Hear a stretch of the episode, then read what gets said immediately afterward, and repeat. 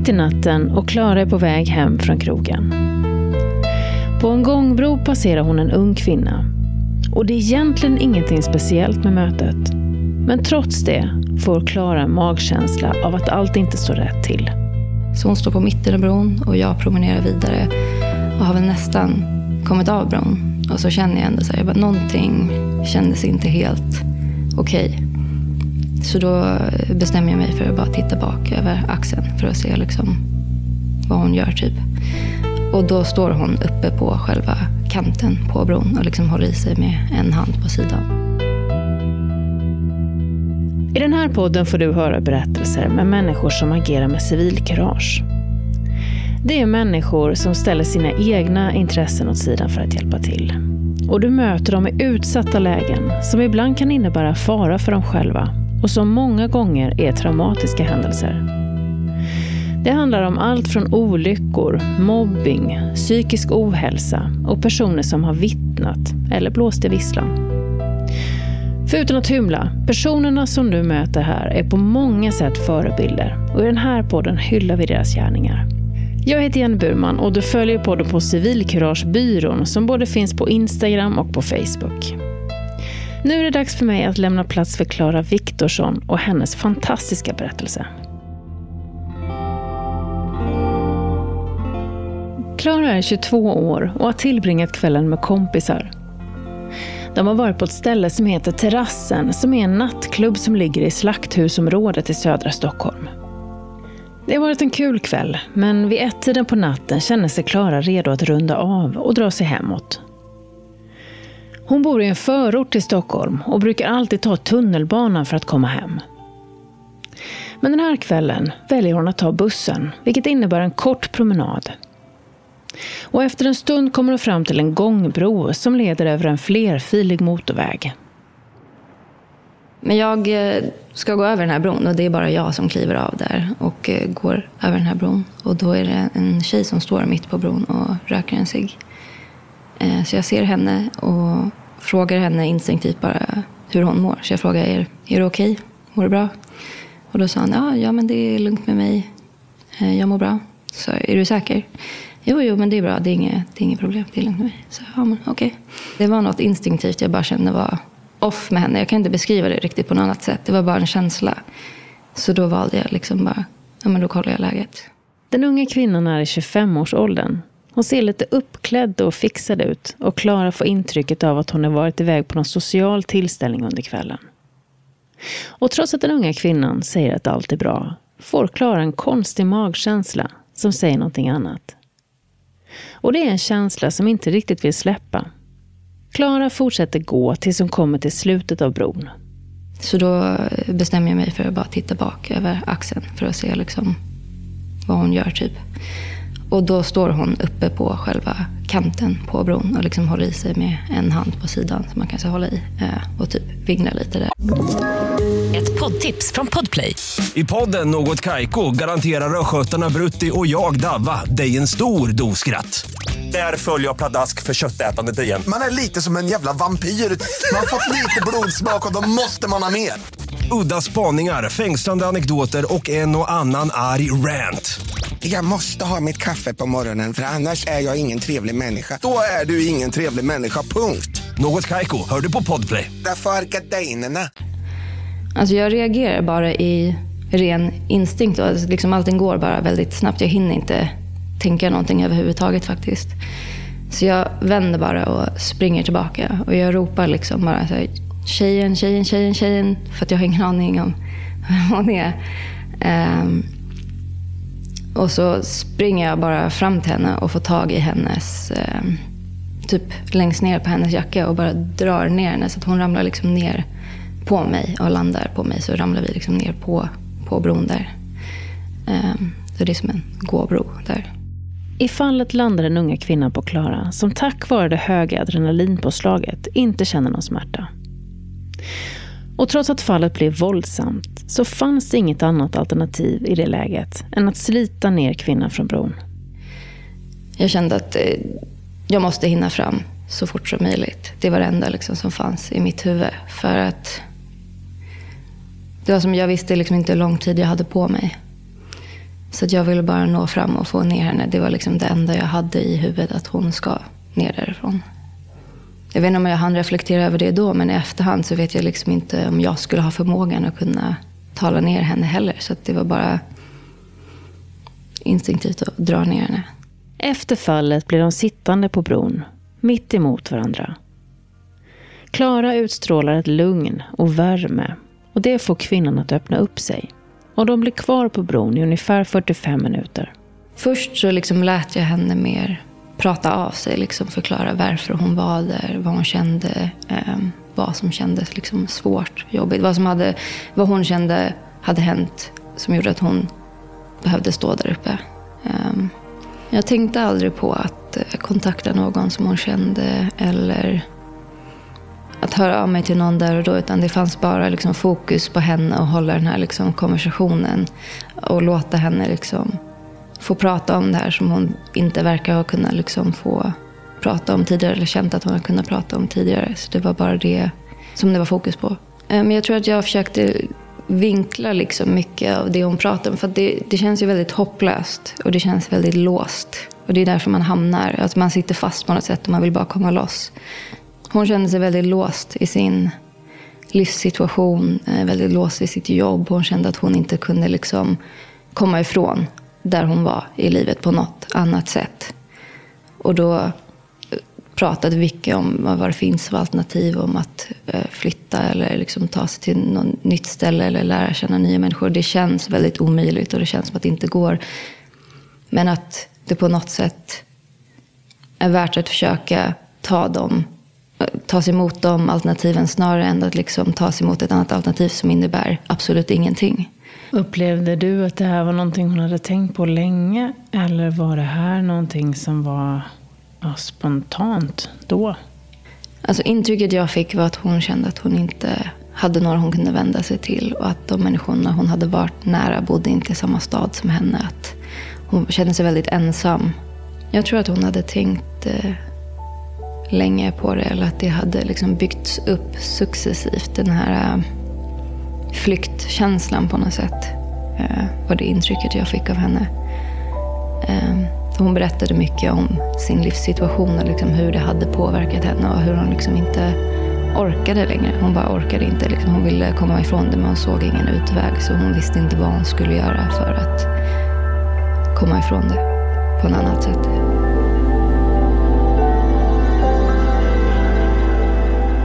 Det finns en kvinna som heter Ulla-Karin Nyberg som är expert på suicidalprevention. Hon förklarade för mig under ett möte att det som drabbar människor som försöker ta sitt liv, det är att de hamnar i en situation där de förlorar förmågan att känna hopp.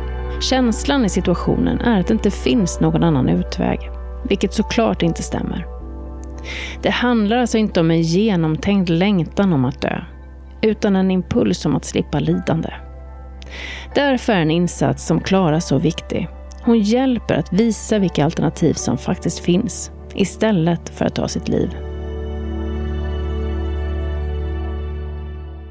Det var fortfarande bara rent instinktivt, alla mina beslut. Jag visste att jag inte hade så långt hem.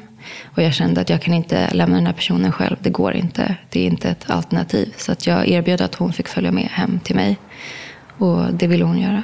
Så att hon eh, promenera med mig. Så vi promenerade väl i typ, jag tror det tar en kvart ungefär att gå, tio minuter kanske. Så vi promenerar tillsammans, fortsätter men, prata om hur hon mår, hur hon har det och kommer hem till mig. Eh, och min dåvarande pojkvän var då hemma och eh, vaken och väntade på mig. Men du, din pojkvän då, mm. tycker han att det är helt naturligt att du kommer hem främmande människor mitt i natten? Mm. Han var ganska chockad när jag kom dit och förstod liksom först inte riktigt vad som hände. Och jag förklarade bara lite snabbt och försökte vara liksom finkänslig och säga ja, hon behövde lite hjälp. Eh, så hon fick komma med mig hem. Liksom, jag säger inte så mycket utan det blir mer liksom, eh, blickar och liksom att man visar liksom att det, nu är det någonting allvarligt som håller på att hända. Och liksom han är ganska snabb på att uppfatta det. Klara visar den unga kvinnan in i lägenheten och ger henne ett glas vatten.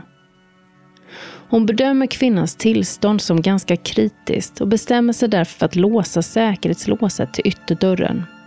Hon vill inte riskera att kvinnan får för sig att rusa ut ur lägenheten. När hon låst dörren slår han sig ner bredvid kvinnan. Så jag sitter och pratar med henne och frågar vad hon vill göra och jag gestikulerar till min pojkvän sen att han eh, ska kontakta någon för att hon vill, hon vill gå sen, säger hon att hon vill gå vidare. Jag säger absolut. Och så säger jag, men är det okej okay om jag följer med dig? Så säger hon, men du behöver inte göra det. Det behövs verkligen inte. Du har varit jättesnäll. Det är okej. Okay. Men jag vill verkligen följa med dig. Är det okej okay om jag gör det? Så säger hon, jo men det är okej. Okay. Så då, hon märker liksom att dörren är låst och blir lite så här, okej. Jag låser upp den liksom på en gång och gör inget av det. Liksom. Jag låser upp och jag följer med henne. Liksom. Jag visar ändå att det är för att jag är orolig, liksom, inte för att vara konstig på något sätt. Ehm, så att vi går ut därifrån och promenerar vidare till en tågstation. Jag gestikulerar till min eh, dåvarande pojkvän att han ska ringa 112. På väg mot tågstationen fortsätter de att prata. Och kvinnan säger att hon är så tacksam att Klara valt att följa med. Hon känner, sig, hon känner att hon är en belastning på mig, att hon tycker det är jobbigt. Så, och jag förklarar att hon är absolut inte det, det är ingen fara. Men att hon också är väldigt tacksam för att om jag inte hade följt med så hade hon gått tillbaka till bron och hoppat. Hon säger det? Mm. Hon säger det till mig. Vad, tänk, vad tänkte du då? Det var väl det jag kände på mig hela tiden. På något sätt. Jag tror jag därför, för det är jättekonstigt egentligen att låsa in en person. Alltså det låter rätt sjukt att låsa liksom dörren inifrån. Men det var att jag hela tiden kände att det är fortfarande väldigt liksom... Ja, men, alltså, det är fortfarande väldigt laddat liksom allting. Så att jag måste liksom bara hålla den här personen säker på något sätt. Så det var därför jag valde att göra det. Klara och kvinnan kommer fram till tågstationen. De sitter på en bänk och väntar när Klaras telefon ringer. När hon svarar är det personal från ambulansen som presenterar sig i andra änden.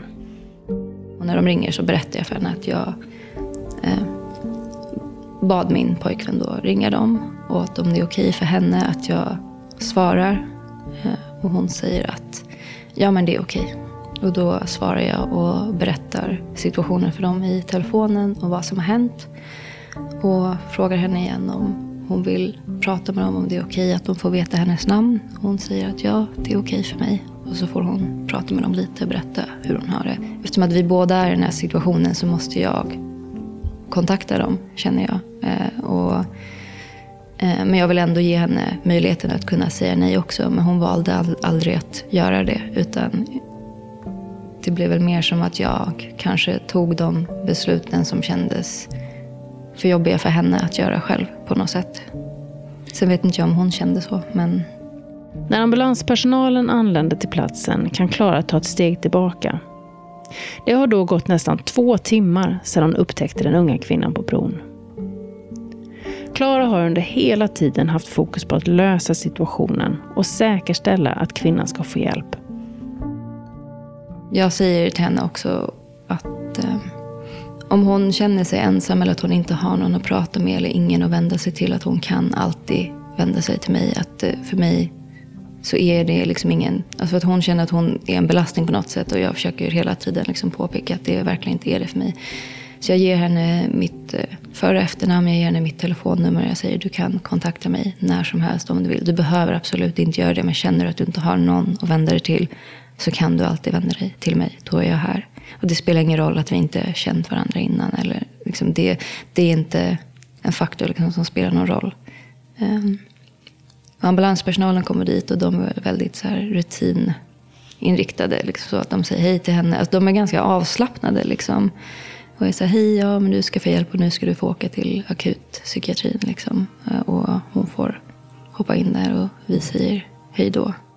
Under tiden som gått upplever Klara att kvinnan har lugnat ner sig. Att hon verkar finna ett lugn i att hon faktiskt har fått hjälp. Från att ha varit väldigt uppriven och väldigt ledsen och varit liksom känt att det varit väldigt hopplöst. Jag tror att hon blev ganska trött av hela det händelseförloppet också. Så på slutet så kändes det nästan som att hon kände att det var skönt liksom att det på något sätt skulle ändå leda någon vart. Att det på något sätt var över och på något sätt ändå känna att nu behöver inte hon själv liksom bära på hela det här ansvaret. Det var det intrycket jag fick av det. För att hon kändes lugn på slutet och kändes eh, ja, men liksom att hon bara på något sätt accepterade hur det var då. Ambulansen åker från platsen och Klara kan gå hem. Väl inne i lägenheten går hon in i sovrummet där hon möter sin pojkvän. Hon sätter sig på sängen och äntligen kan hon slappna av och ge efter för sina egna känslor. Helt plötsligt så bara sköljer allting över mig. För det var som, jag, när jag gick ut, åkte hem den kvällen liksom, så åkte jag hem för att jag kände mig ganska trött, jag är ganska färdig, jag är lite berusad. Och det var liksom när allt det här hände så bara var det som att jag blev spiknykter på en gång och blev hyperfokuserad och var det liksom under väldigt lång tid. Och sen då helt plötsligt bara sköljde det över mig. Så jag får som en så här jätteadrenalinpåslag och blir jätteskakig. Så jag mår ganska illa. Eh, och känner mig jätte, jättetrött. Och, ja, men det kommer liksom på en gång. För det, jag har inte känt någon liksom så här direkt stress eller panik eller någonting under hela det här förloppet. Utan bara varit väldigt liksom fokuserad på att det ska lösa sig bra. Så jag tror allt det där kom i, i efterhand. Så det, ja, det tog ett tag tills jag kunde varva ner och gå och lägga mig. Men jag gjorde det sen eftersom att jag var så himla trött.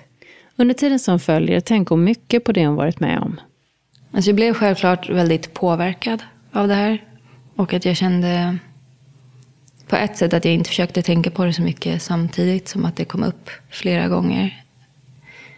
Jag valde också att inte prata särskilt mycket om det med folk. Jag vet inte varför. Eh, så jag pratade inte så mycket om det med andra, men kände att det påverkade mig. Och det, det var oftast en period efter just när jag gick över den där bron, för vilket jag gör eh, relativt regelbundet under den tiden. Och det var ju liksom när jag kom till den där bron, speciellt i början, som det liksom flashade tillbaka allting. Så det blev som att den punkten blev liksom kopplad till det hela tiden. Och att jag kunde känna mig på ett sätt väldigt sorgsen då när jag gick på den bron och på ett sätt eh, glad över att det ändå på något sätt gick bra. Även om kvinnorna inte har någon kontakt så har Klara ändå en känsla av att det har gått bra. Hon valde aldrig att eh, kontakta mig. Eh, däremot så på något sätt, jag tror för att hon la in mitt telefonnummer i sin telefon, så kom hon upp som vänförslag på Facebook för mig. Så att jag kunde gå in och se hennes eh, profil. Och jag valde aldrig att kontakta henne för att jag ville att det skulle vara upp till henne, inte upp till mig. Men jag gick in några gånger när jag såg att den kom upp så jag kunde se i alla fall eh, några månader framåt att det kom upp ny aktivitet på hennes sida. Och därav så visste jag att hon ändå fortfarande var vid liv, vilket kändes bra. Och då kunde jag tänka att då kanske hon i alla fall har fått en möjlighet till att tänka om eller fått hjälp eller liknande. Nu har ju du varit med om någonting som väldigt många andra kanske aldrig behöver uppleva. Eh, men om, om någon skulle komma i samma situation som du, vad, vad är dina råd och tips som du skulle vilja förmedla? Jag tror att väldigt, alltså varje situation är väldigt individuell. Så det är svårt att veta exakt vad och hur man ska agera. Men jag tror det viktigaste är att man agerar. Alltså att göra någonting är alltid bättre än att göra ingenting. Um, och inte vara rädd heller för att man ska göra fel. För det finns ingen liksom, regel för exakt. När man inte har varit med om någonting sånt innan finns det liksom ingen regel att du ska veta exakt vad du ska göra. Utan du får bara göra så gott du kan. Det kan vara otroligt skrämmande att gå in i någons mörker. Att mötas där i ett tillstånd när allt ytligt skalas bort. Och det handlar om liv eller död. Att visa medmänsklighet är vackert. Att visa omtanke, det är bland det finaste vi kan erbjuda en annan människa. Det är tack och lov långt ifrån alla som hamnar i situationer som Klara gjorde. Så låt oss börja i vardagen, där du och jag kan göra skillnad. Och det kan vi ju göra genom att le mot någon vi träffar, eller kanske säga hej. Jag skulle avslutningsvis vilja säga tack till Klara som var med och berättade sin historia, hur hon gjorde du har lyssnat på mig och jag heter Jenny Burman och jag hoppas att du lyssnar snart igen. Hej då!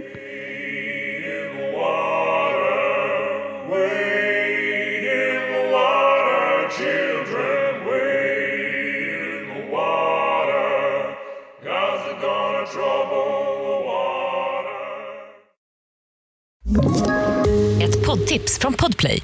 I podden Något Kaiko garanterar östgötarna Brutti och jag, Davva, dig en stor dos skratt. Där följer jag pladask för köttätandet igen. Man är lite som en jävla vampyr. Man har fått lite blodsmak och då måste man ha mer. Udda spaningar, fängslande anekdoter och en och annan arg rant. Jag måste ha mitt kaffe på morgonen för annars är jag ingen trevlig människa. Då är du ingen trevlig människa, punkt. Något Kaiko, hör du på Podplay. Därför arkadeinerna.